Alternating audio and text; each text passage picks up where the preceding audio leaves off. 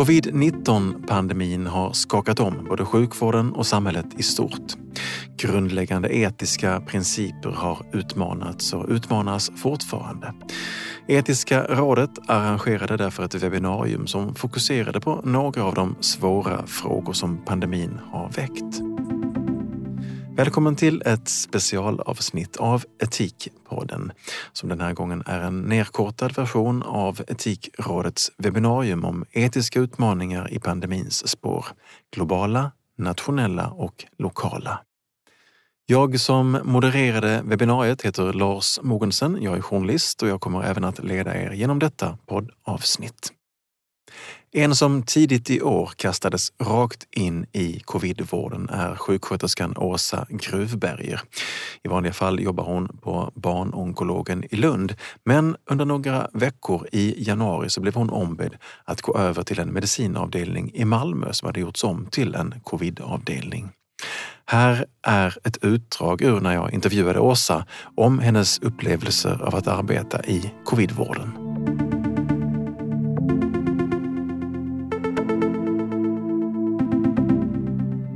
Så hur var de första dagarna där då på, på den här covidavdelningen? Hur var den för dig?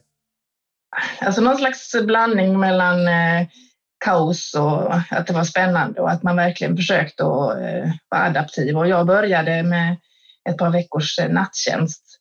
Vad ska man säga? Det var spännande och kaotiskt. Ja, hur då? Alltså, när blir det kaos? Vad är det för slags kaos? Alltså det blir ett kaos för att man har många patienter som, är, som man inte är van att vårda. Andra diagnoser. Det var mycket gamla och sjuka som, eh, eh, som inte är det som jag är van att vårda i vanliga fall. Eh, och så, så ska man eh, göra sitt bästa utifrån varje patient och hinna med. Och, eh, man, som sjuksköterska eller som vårdpersonal är man ju väldigt mån om att man gör rätt saker och att man gör det i rätt tid. Och, att man har koll på vad man gör. Det var väl kanske inte riktigt hela tiden man upplevde den känslan kanske. Du skulle haft en sån där skylt ny på jobbet egentligen ju. Precis, det hade man ju haft. I vanliga fall så tar man kanske dessutom lite hänsyn till att man är ny och ovan och att det är andra kollegor som eh, tar ett större ansvar att man själv får liksom slussas in i. Här var vi ju mer eller mindre alla ovana och i samma situation. Man får jobba på liksom. Sen klart ehm. samtidigt känner man att eh, omvårdnad i sig är ju faktiskt väldigt universellt. Även om många detaljer och diagnoser och maskiner inte var det jag var van vid så det är klart att, att omvårdnad i sig det är det vi gör alltid och det är vi duktiga på. Men eh, om man då talar i termer av, av moralisk stress eller etisk stress. Eh, jag föreställer mig att du måste ha hamnat i situationer, valsituationer, prioriteringssituationer eller jobbiga lägen med de här väldigt gamla och sköra patienterna plus då omständigheterna av att snabbt ha kastats in i detta? Ja, det var ju faktiskt bitvis ganska tufft eh, när man kanske vårdar eh, rätt så många människor där man inte riktigt har möjlighet att göra det jobbet som man vill, där man måste prioritera hårdare än vad man är van vid och kanske måste låta någon vänta på smärtlindring eller inte riktigt har tid att ringa till anhöriga, anhöriga som behöver information eller man har någon man behöver andningsoptimera och så får det vänta lite och så måste man eh, ta emot patienten från akuten. Och det är klart att, eh, att så vill man inte ha det, utan att man hela tiden det fick bli någon slags mantra att nu gör vi detta så bra som vi kan och det får vara gott nog. Ehm, I vanliga fall hade jag nog inte mått så bra av att jobba så här här fick vi, man fick bara försöka att göra det så bra man kunde och det fick vara bra nog. Men du hade inte mått så bra av att ha det så i vanliga fall. Hur kändes det i magen här då? Eftersom det var som det var och vi var så många som delade på det och vi hade man gjort annorlunda så hade det ju blivit ännu sämre. Man, eh, jag tänker att man kanske ändå gjorde rätt så bra ifrån sig men att man inte jag vet inte riktigt. Det är lite svårt att svara på. Det är klart att det inte kändes eh, optimalt. Mm. Men fanns det perioder, fanns det tillfällen när du kände dig liksom utlämnad, ensam? Både och. För att det är klart att jag var mer ensam än vad jag är på min hemavdelning där jag vet, där jag känner mina kollegor precis och vet precis vilken läkare som är i andra änden av luren och så här. Eh, samtidigt så var ju det här någonting, man var en liten del av en väldigt stor enhet, så ensamheten blir på något sätt relativ. Att jag var ändå bland andra ensamma eh, kollegor på något sätt. Så både och skulle jag säga. Du var i vanliga fall då på, på barnonkologen Då, då är naturligtvis döden någonting som finns som någonting, eh, det finns liksom i panoramat. Men här var det ju gamla människor, gamla sjuka människor och jag vet att det var ett antal patienter som dog under de här veckorna som du jobbade där. Eh, hur, hur var det att så pass ofta ta hand om patienter som, som dog? Det, döden är ju på något sätt kanske närvarande i all sjukvård på ett eller annat sätt och det är klart att det här var ju en avdelning som egentligen inte var eh, anpassad riktigt efter att vi skulle ha så många döende. Man, känns, man vill ju gärna det är på något sätt väldigt ärofyllt att få vara med och vårda patienter som har sina sista dygn. Men då vill man verkligen också ha utrymme och tid och vara närvarande och hålla den i handen som behöver det och smärtstilla ordentligt och lugna och ha en bra kontakt med, med anhöriga. Och, och, det, plus, och det kanske man inte alltid hade, plus att vi ju här faktiskt var tvungna att gå i skyddskläder hela tiden. Det, det kanske kan verka banalt, men i de här situationerna känns det inte något vidare. Samtidigt så hade vi inget val och det visste ju även de här patienterna om. Men att hela tiden klappa på någon med handskar och stå bakom munskydd och visir. Och det, Vad gör det med det kontakten med, med, med patienten? Vad gör det med kontakten? det känns inte lika bra. Jag tycker att det är klart mycket svårare att förmedla den tryggheten som man vill förmedla. Jag vill förmedla att jag är här och att jag är närvarande med min röst och med min beröring och mina ögon. Och det, det gör man inte på samma sätt såklart. Mm. Och likadant anhöriga, när de, för de var, fick också komma när det var nära slutet, liksom, men de fick ju också sitta i skyddskläder. Det, mm. det blir ju inte som man vill ha det. Samtidigt vet ju alla varför. Dessvärre lär inte detta vara sista pandemin eller sista undantagstillståndet. Eh, hur ställer du dig inför att liksom rycka in i liknande eh, specialuppgifter i framtiden? Jag tänker att vi har fått oss en bra lektion, att vi, vi såklart måste hela tiden utvärdera vad vi har varit med om och hur vi skulle kunna göra det bättre, men att eh, eh, det, vi gör ju det vi måste på något sätt och det är jag eh, känner mig inte avskräckt, även om man efter de här veckorna såklart har varit väldigt, väldigt trött. Och för oss var det bara begränsad tid. Det finns ju många som har stått i det här mycket, mycket längre tid än vad jag har och att mm. det skapar en trötthet som är respektingivande och att man måste få återhämta sig. Men det är klart att vi eh, går stärkta ur det och lär oss mycket. Det här skiftet då från din vanliga avdelning till avdelningen, hur har det påverkat dig professionellt tror du? Alltså, dina kunskaper, din erfarenhet, ditt sätt att vara sjuksköterska? På ett sätt eh, känner man sig eh, stolt över att man har varit med i, i det här och eh, samtidigt som lite som det jag sa innan också, att någon slags ökad medvetenhet om att man kan tro att, att saker och ting är på ett visst sätt och så kommer ett virus som ändå faktiskt slår omkull. Att det tror jag nog är det många, även globalt, som upplever liksom att det var. Vi är ändå så sårbara som mänsklighet på något sätt någon slags sårbarhet och stolthet i någon slags kombination.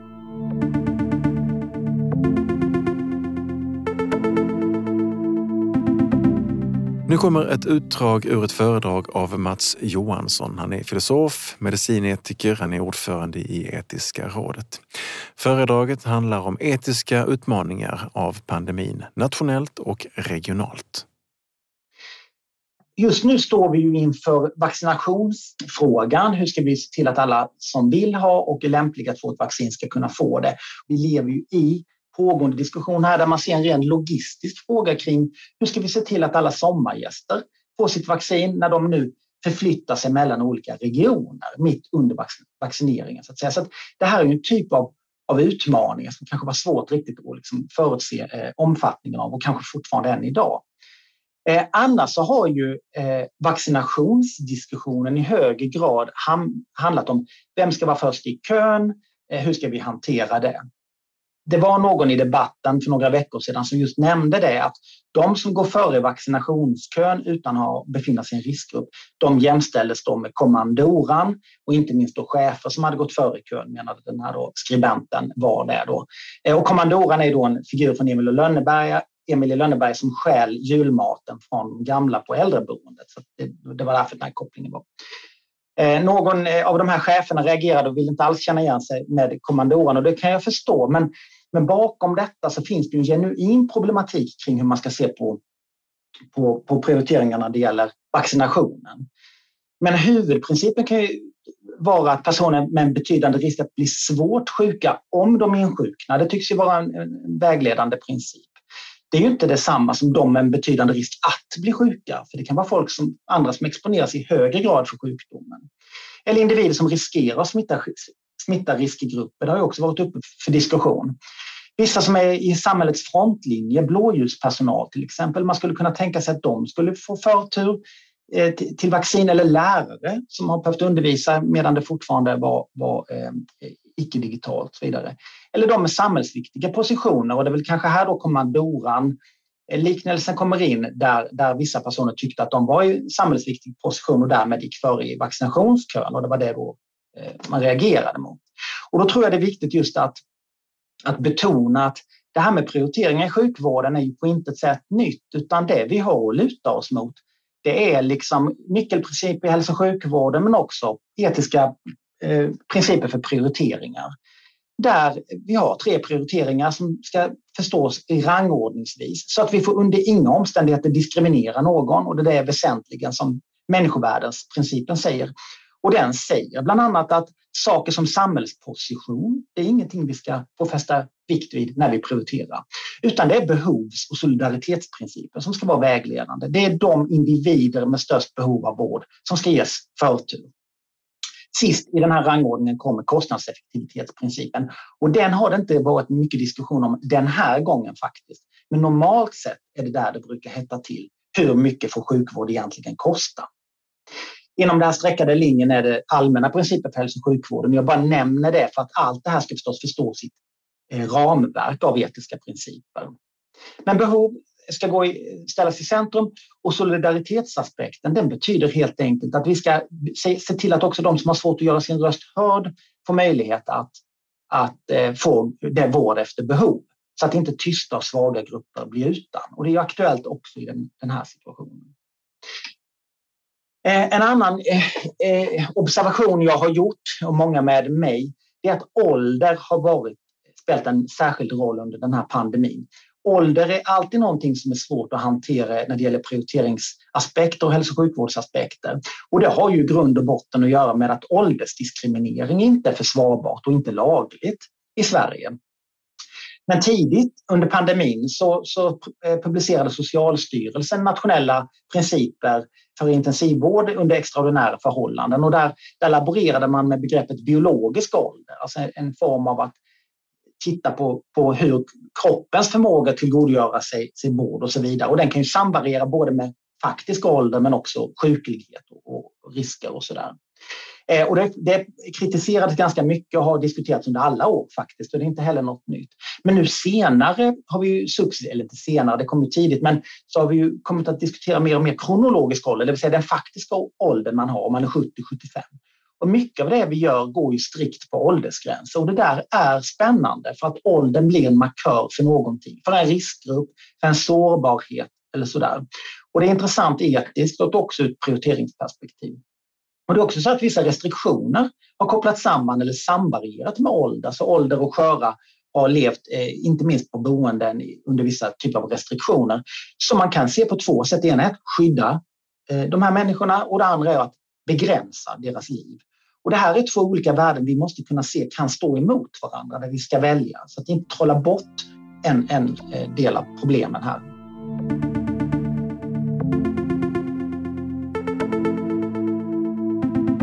Om vi då höjer blicken ytterligare, eller man ska säga, och tittar ut över världen, framförallt hur pandemin har påverkat människor i utvecklingsländer, så har vi Lars Hagander som är överläkare och docent i barnkirurgi, forskare i folkhälsa och har jobbat ute i världen en hel del. Lars, kan du ge oss en bild av, av hur pandemin har påverkat i utvecklingsländer? Jag är som sagt alltså barnkirurg då, och absolut inte infektionsläkare på något sätt. Och, eh, jag har då använt data från Our World in Data som är en jättefin hemsida tycker jag. Och sen har jag också lutat mig tungt mot de här två. Det är Stefan Svartling här som är då medicinsk chef på Unicef och Anna-Maria Ekström som är professor på på KI som hade en fin sammanställning tycker jag av data eh, på SVT för häromsistens som jag varmt kan rekommendera. Problemet är ju att eh, de här data då som eh, kommer ifrån låg och medelinkomstländer är osäkra och kommer ganska sällan. Så vi är ju vana vid, kanske i Sverige, att få uppdateringar med någon slags sju dagars eh, eftersläpning och så.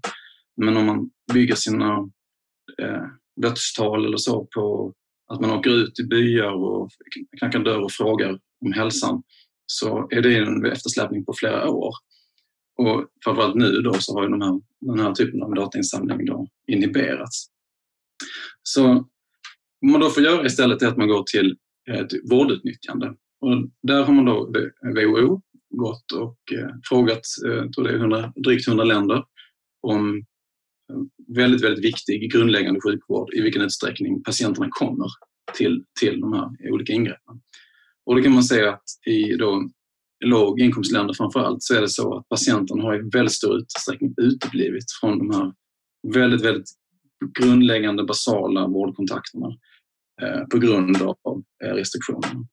Om man då tänker på vad det skulle kunna innebära i eh, praktiken, om vi tar några infektionssjukdomar så har vi tuberkulos. Då har vi sett att nästan i hälften av de här länderna så har smittspårning och behandling av tuberkulos minskat eh, väldigt mycket. Och eh, tuberkulos är den sjukdom som normalt sett brukar ge, den infektionssjukdom som brukar ge flest dödsfall. Och om man bara drar ner diagnostiken med 25 procent under sex månader så ökar mortaliteten med 25 procent. Och lägger man då till behandlingssvikt och resistensutveckling och så där så får man ett väldigt, väldigt stora effekter av tuberkulos. HIV under pandemin kan vi se i olika länder här hur antalet provtagningar har bara droppade totalt. Och det gäller liksom folk i allmänhet men också gravida i förhållande till sina barn och så vidare. Och man kan alltså se att HIV, infektionsspridningen och dödsfallen förmodligen kommer att öka med, med många procent eh, eh under de närmaste åren. Malaria likaså, om jag räknar rätt så tror jag att man kommer få nästan en dubblering av antalet malariafall där hälften då drabbar små barn. Eh, så det är liksom stora konsekvenser för malariadödligheten i framförallt Afrika. Då mödradödligheten. Vi har då alltså eh, med mödravården och antalet förlossningar som sker på sjukhus men också i viss mån då säkra aborter har, har sjunkit radikalt vilket kommer leda då till eh, kanske upp till 100 000 fler mödrar som dör under det närmsta året. Barn, då är det så att BVC och de här eh, vätskeersättning som jag nämnde och malnutritionsbehandling det har nog reducerats kanske till 50 procent. Och Unicef de har räknat 12 månader med lockdowns på detta sättet som vi har så skulle det kunna leda till 2 miljoner fler barn som dör och 200 000 fler dödfödda. Jättemånga fler som är malnutrerade och fattiga. Till exempel då 80 miljoner barn de har missat sina vaccinationer första halvan av 2020. Framförallt mässling är det som kommer att liksom spela roll där. 50 procent mindre behandling för lunginflammation, malaria och diarré. 70 procent av all barnpsykiatri har ställts in och 90 procent under perioder i alla fall av 2020 så var det så att skolor stängde ner på bred front och det tog, som värst så var det 1,6 miljarder barn som de inte fick gå i skolan, varav då knappt hälften var flickor. Och av dem då så tänker man att kanske 11 miljoner aldrig beräknas komma tillbaks till skolan för att man har kanske gift sig eller man har liksom tappat så mycket och fått andra jobb på något sätt och sådär. Så, så det, det är stora konsekvenser för barnen som egentligen kanske inte drabbas så hårt av själva sjukan. Så om detta då var 2019, den här bilden, eh, ohälsan i världen, så är det liksom lite svårt att veta hur, eh, hur det kommer att bli för 2020. Vilken storlek kommer covid ha här när allting hänger ihop på detta sättet? Då? Men vad man kan säga om man går tillbaka till denna bilden det är att ungefär, om man summerar det som jag har nämnt hittills och de dödsfallen som restriktionerna har orsakat, eller den här vårdskulden, man säger, då är det alltså lika många som då har registrerats i, i, som covid-relaterade dödsfall hittills. Så det är ungefär 50-50 just nu. Och då har vi inte räknat med diabetesvården, vi har inte räknat med hjärt-kärlsjukdomarna, eller cancervården, eh, operationerna då, HIV-incidens. Och många länder har ju den typen av verksamhet stängt ner ganska mycket med kirurgi. Så där finns också en konsekvens som inte är mätt i de här, när vi säger att det är som det är. Det är väl de liksom, globala perspektiven som jag tror är viktiga att komma ihåg. Att det finns en kontextuell paradox kan man säga i det att saker som är motiverade och effektiva hos oss här i Sverige med våra system är inte alls lika effektiva och kanske kontraproduktiva i andra samhällen som har en annan typ av samhällsordning.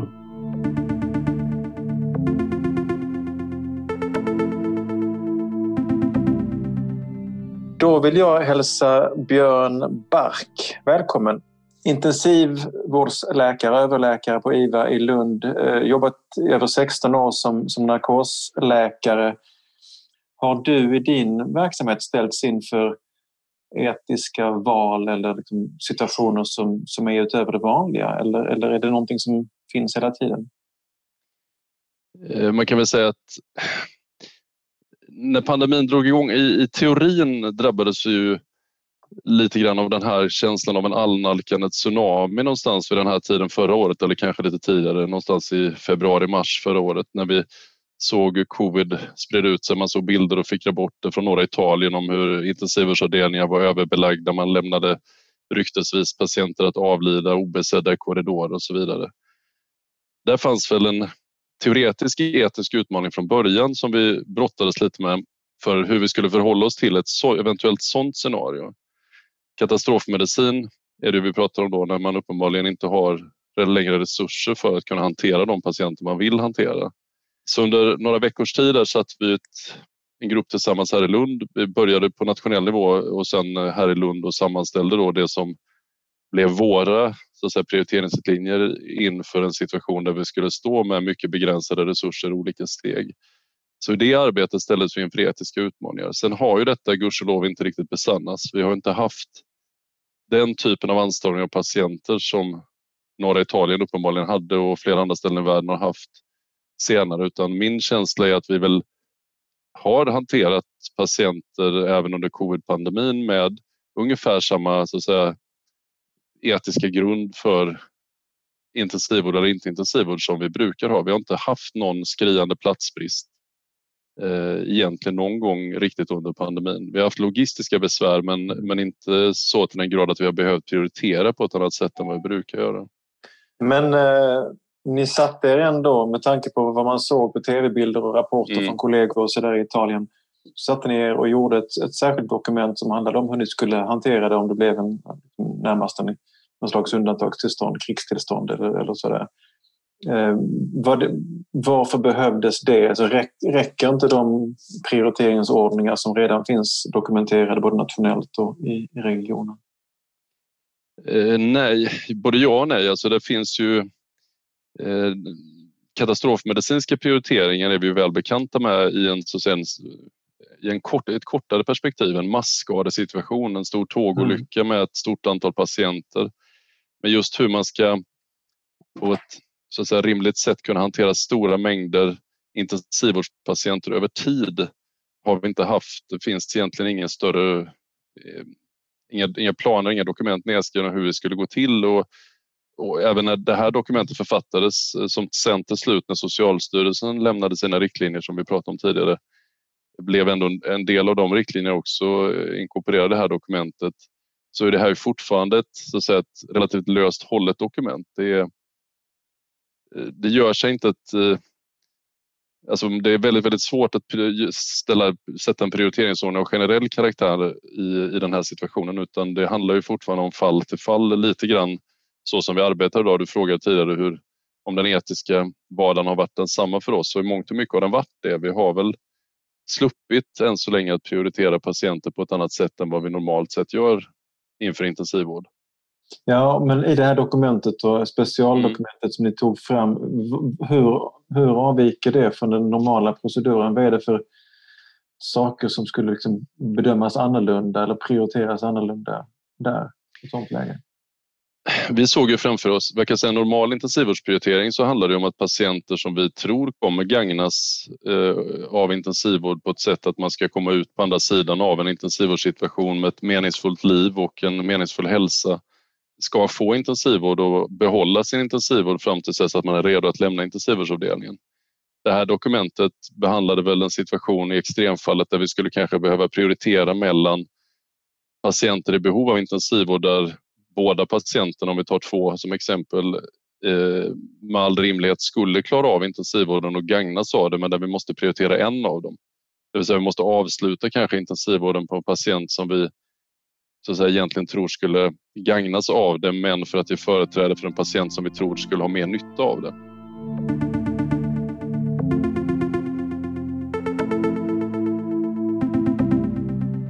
Okej, vi befinner oss nu i vårt eh, uppsummerande samtal här. Då vill jag också säga att vi har ju med oss då eh, Mats Johansson, filosof, filosof och ordförande i Etiska rådet. Här finns Lars Hagander, barnkirurgen som talar om global uh, hälsa, folkhälsa och uh, så har vi Björn Bark här som är IVA-överläkare i Lund.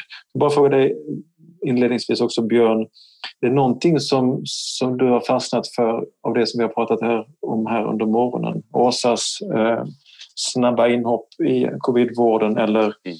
Mats resonemang om prioriteringsordningar eller för den delen Lars Haganders bild av malaria och eh, många andra sjukdomar nu blossar upp igen.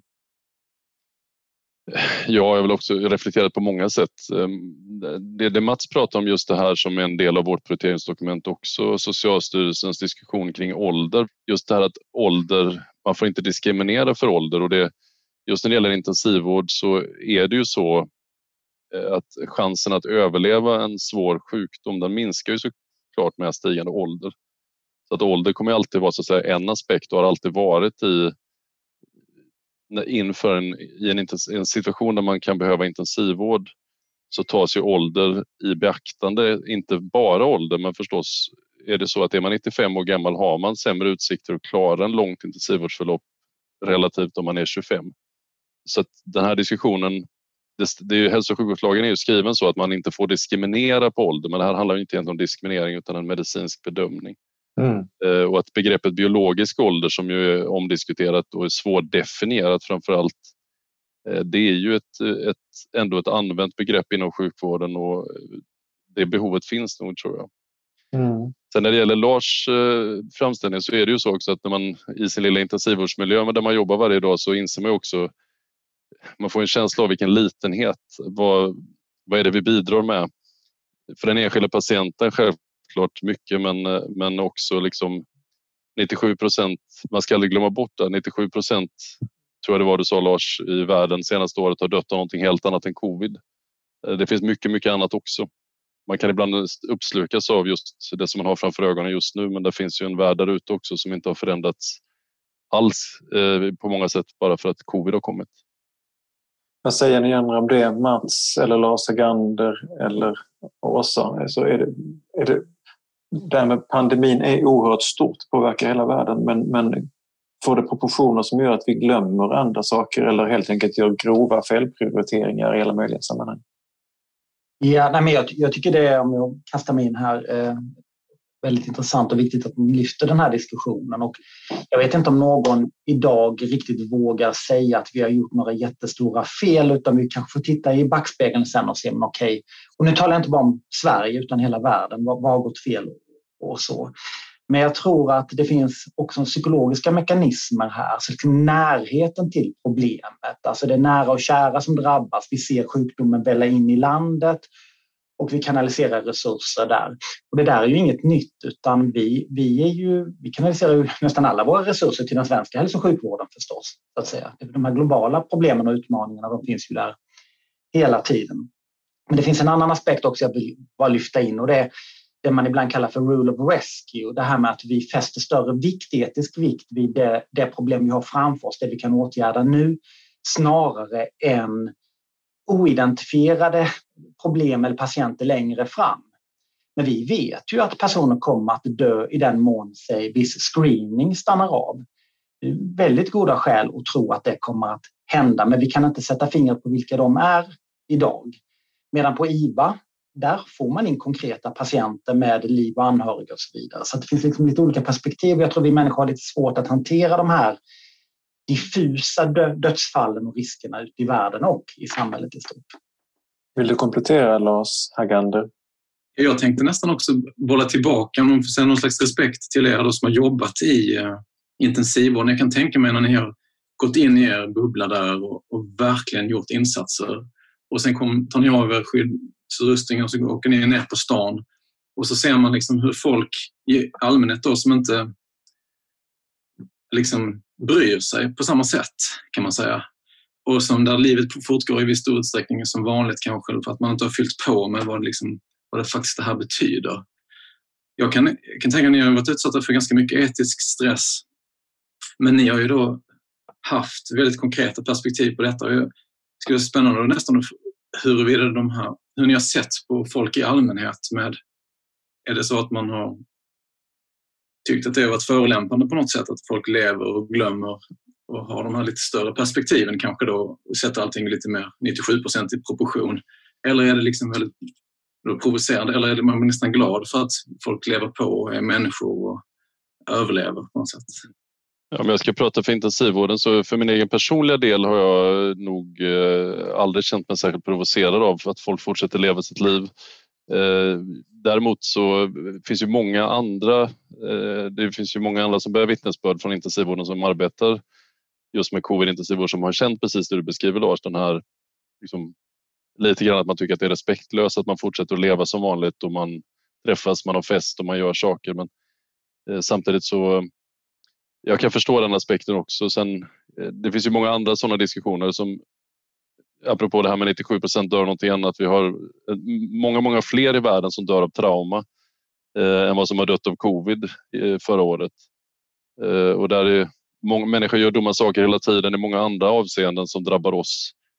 Så det är svårt att bli arg på just det. Ja, nu är det covid och det är det vi eh, så att säga, fokuserar väldigt mycket på nu och vi har en belastning av vården men samtidigt så finns det många andra aspekter av sjukvård. Människor röker, belastar sjukvården, människor dricker alkohol, belastar sjukvården.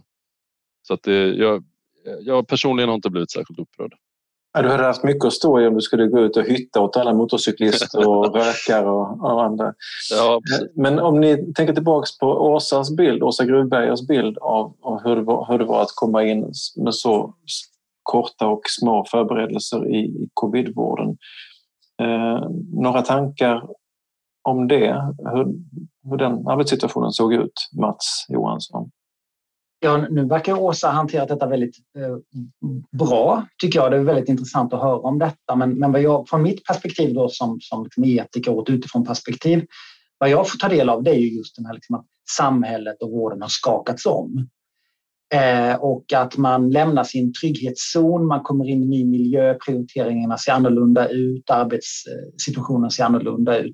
Samtidigt som man då bombarderas utifrån med krav och, och annat eh, via media som jag nämnde tidigare. Och man skulle då kunna tänka sig att, att den här situationen är, men är det rimligt att man ska gå från barnonkologen till de här covidpatienterna? Ja, det är ju rimligt när det inte finns några alternativ. Och det var ju precis som om jag förstod Åsa rätt, att det var ju egentligen annars bara en fråga om att bli beordrad och gå dit. Det kanske inte låg dagen efter, liksom, men det är ju den verkligheten vi lever i. Att, och, och, och eh, jag vet inte om det var något svar på frågan, liksom, men jag, jag, tycker jag ser just den här omskakningen av hälso och sjukvården och samhället i så många olika avseenden, inklusive den Åsa tar upp. Jag tänker att det måste ha varit en, en ganska svår situation för de människor som med väldigt korta förberedelser hamnade mitt i, i covidvården som ställdes inför situationer som man inte var, var beredd på. Och då är ju frågan om man kan liksom vara förberedd på det liksom, inför de etiska situationer som, eller dilemman som finns eller man får bara ta det på uppstuds. På ett sätt kan man väl också säga att det har, jag hamnade i detta i januari. Det är klart att man på något sätt, alla inom sjukvården har ju varit beredda och inställda på att att man kan drabbas och försökt att fundera över sin egen, vad man själv skulle kunna platsa in och så, så på ett sätt. Men samtidigt var man ju inte förberedd på den verksamheten där man exakt hamnade i. Men eh, på ett sätt har man ju haft det med sig i ett år ju. Tycker du att under, under pandemin har stått klart, har det varit tydligt hur, hur vården ska prioritera? På den enheten där jag var Eh, även om det, var, det kändes som att det var övermäktigt ibland och man inte kände att man räckte till så var det verkligen ändå inte ad hoc och det var ändå fanns en struktur, och en väldigt tydlig eh, åtminstone grundtanke om när, var, vilken vårdnivå som skulle gälla den enskilde patienten och när man skulle gå över i sen palliativ vård och läkemedel och, och, hur man skulle bete sig med anhöriga och när och så vidare. Sen fanns det ju såklart enskilda situationer där man inte riktigt hann med att ta de här besluten, men det fanns faktiskt ändå en väldigt eh, tydlig och imponerande struktur upplevde jag, trots det kaoset som, som var. Liksom. Och det, det, var, det var, funkade bättre än vad jag hade förväntat mig. Mm. Man kan föreställa sig hur kaoset hade sett ut om det inte hade funnits den där strukturen då runt omkring. Um, Lars Hagander, vad säger du om, om den frågan? Har, har det stått klart, har det varit tydligt hur prioriteringarna ska gå till? Det var ju en fas då jag tyckte det var lite otydligt med vem som fick bestämma och exakt hur det ska Jag kommer ju då inte från covidvården utan från mm. den elektiva barnkirurgivården. Alltså barn som så sällan blev sjuka. I vilken utsträckning behövde vi ha ett negativt prov på de barnen som kommer in för att operera någonting planerat? Och i vilken utsträckning får föräldrarna vara med? Måste vi vänta på deras svar? Så det fanns fall, tycker jag, i början där jag tror att man safeade lite eh, kanske lät föräldrar inte vara med och trösta sina barn på ett sätt som kändes fel. Där jag tror, alltså, där det sen har liksom på något sätt utkristalliserats mer tydliga riktlinjer. Men det är också naturligt tycker jag att, att sånt här får... Vi blev ju överraskade och det liksom blev olika förutsättningar ändrades med provtagningsmöjligheter. Så den, eh, annars så tänker jag som mer som en skåning. Man har läst i Sydsvenskan om den här distriktsläkaren som som jag, uppfattade, jag är inte alls insatt, men man uppfattade att det fanns någon slags en förståelse kring att man behövde liksom snabba på med olika bedömningar på distans. Och det, där vet, det stod i tidningarna och där kändes det som att det fanns en otydlighet i, i eh, vad som gällde i det skrivna. Så det har funnits sådana saker i början tycker jag som man har tänkt på. Men um, inom min egen verksamhet inom barnkirurgin så har jag inte upplevt det som ett jättestort problem. Det har jag inte gjort. Eh, Björn, jag ställer den frågan till dig också. Om det har varit tydligt och rimligt hur, hur prioriteringen ska gå till. Ni tog ju dessutom fram ett eget dokument. Ja, precis. Eh, och som jag sa innan att våra, våra prioriteringar har nog egentligen inte eh, än så länge behövt skilja sig från de normala prioriteringar vi gör inför intensivvård. Eh, men visst fanns det i början framförallt egentligen innan pandemin riktigt hade kommit att fart i Sverige men, och det var just lite grann utifrån det jag sa innan, den här teoretiska möjligheten att var skulle vi hamna, eh, om vi ham eller vad skulle vi göra om vi hamnade i en situation liknande norra Italien? Vad kommer gälla då? Eh, hur ska vi göra då? Vem ska fatta de här besluten? Som någon frågade här innan, vem ska, fatta beslut om eskaleringen och vem ska sedan göra alla de här bedömningarna om vi, vi skulle hamna i en situation där vi faktiskt, vilket vi absolut under alla omständigheter inte ville men hamnade i en situation där vi skulle behöva byta ut en intensivvårdspatient med överlevnadschanser mot en annan. Vem skulle fatta de besluten? Och där jobbade vi också en hel del med det och hade en liten plan för hur det här skulle gå till. Så att eh, tankarna fanns där och i teorin hade vi brottades med mycket etiska problemfrågeställningar och lite otydligheter. Men sen i praktiken så tror jag att det har, i min värld i varje fall, flutit på eh, väldigt, väldigt bra. Och vi har eh, nog haft en rätt så hygglig tydlighet vad som gäller och inte gäller. Vad säger Mats Johansson om Björn Barks beskrivning av gången där? Ja, jag litar ju helt på Björns beskrivning av sin egen verksamhet. Men vad jag, vad jag ibland reagerar på när det gäller eh, den här oron för att gå i taket. Det är en annan eh, metafor man har sett då och då, inte minst när det gäller undanträngning och tryck på sjukvården. Att jag ibland stannar upp och funderar på, kan det vara så här att vi flyttar taket? Alltså att vi gör saker vi inte hade accepterat för två år sedan. Eh, vi gör ställningstaganden vi inte hade accepterat och i den meningen så har sjukvården gått förbi, gått igenom tak. Alltså problemen har gått igenom eh, vad vi klarar av egentligen. Det är det att vi har sänkt eh, nivån. Och jag, jag tänker som Åsa också säger att det fanns patienter som kanske inte fick den smärtlindring de normalt sett skulle fått om man hade haft tid och möjlighet. Och, och så. Att det finns ju också en, en risk, eller, eller risk och risk, men att man får ta i beaktande att vi långsamt kan liksom förändra vår inställning till vad det är det vi kan göra, vad är det vi förväntar oss att göra. Eh, även om, jag menar, även om inte situationen blir som den var i norra Italien så kan det där vara, vara lite lurigt. Men annars eh, när det gäller den här när det gäller prioriteringar och, och vad man ser. Jag kan nog se när det gäller vaccinationsstrategierna att vi bör stanna upp och fundera på eh, vilka principer som ska gälla prevention i samhället. Alltså det här med vilken prioritet ska det ha att eh, vaccinera eh, smittförare, potentiella. Det kan vara de som är fönstret mellan smitta och, och eh, riskpatienter. Ska vi ha särskilda regler för dem vi skickar fram i frontlinjen, på IVA, på, på som jag nämnde innan, blåljuspersonal eller vad det nu kan vara. Alltså det kanske landar i att vi inte ska förändra våra prioriteringsriktlinjer, men jag tycker det har varit klädsamt om vi efter den här pandemin sätter oss ner och funderar på, behöver vi se över prioriteringarna i de avseendena? All right. men där säger jag tack till er eh, Björn Bark och eh, Lars Agander och eh, Mats Johansson och Åsa Gruvberger.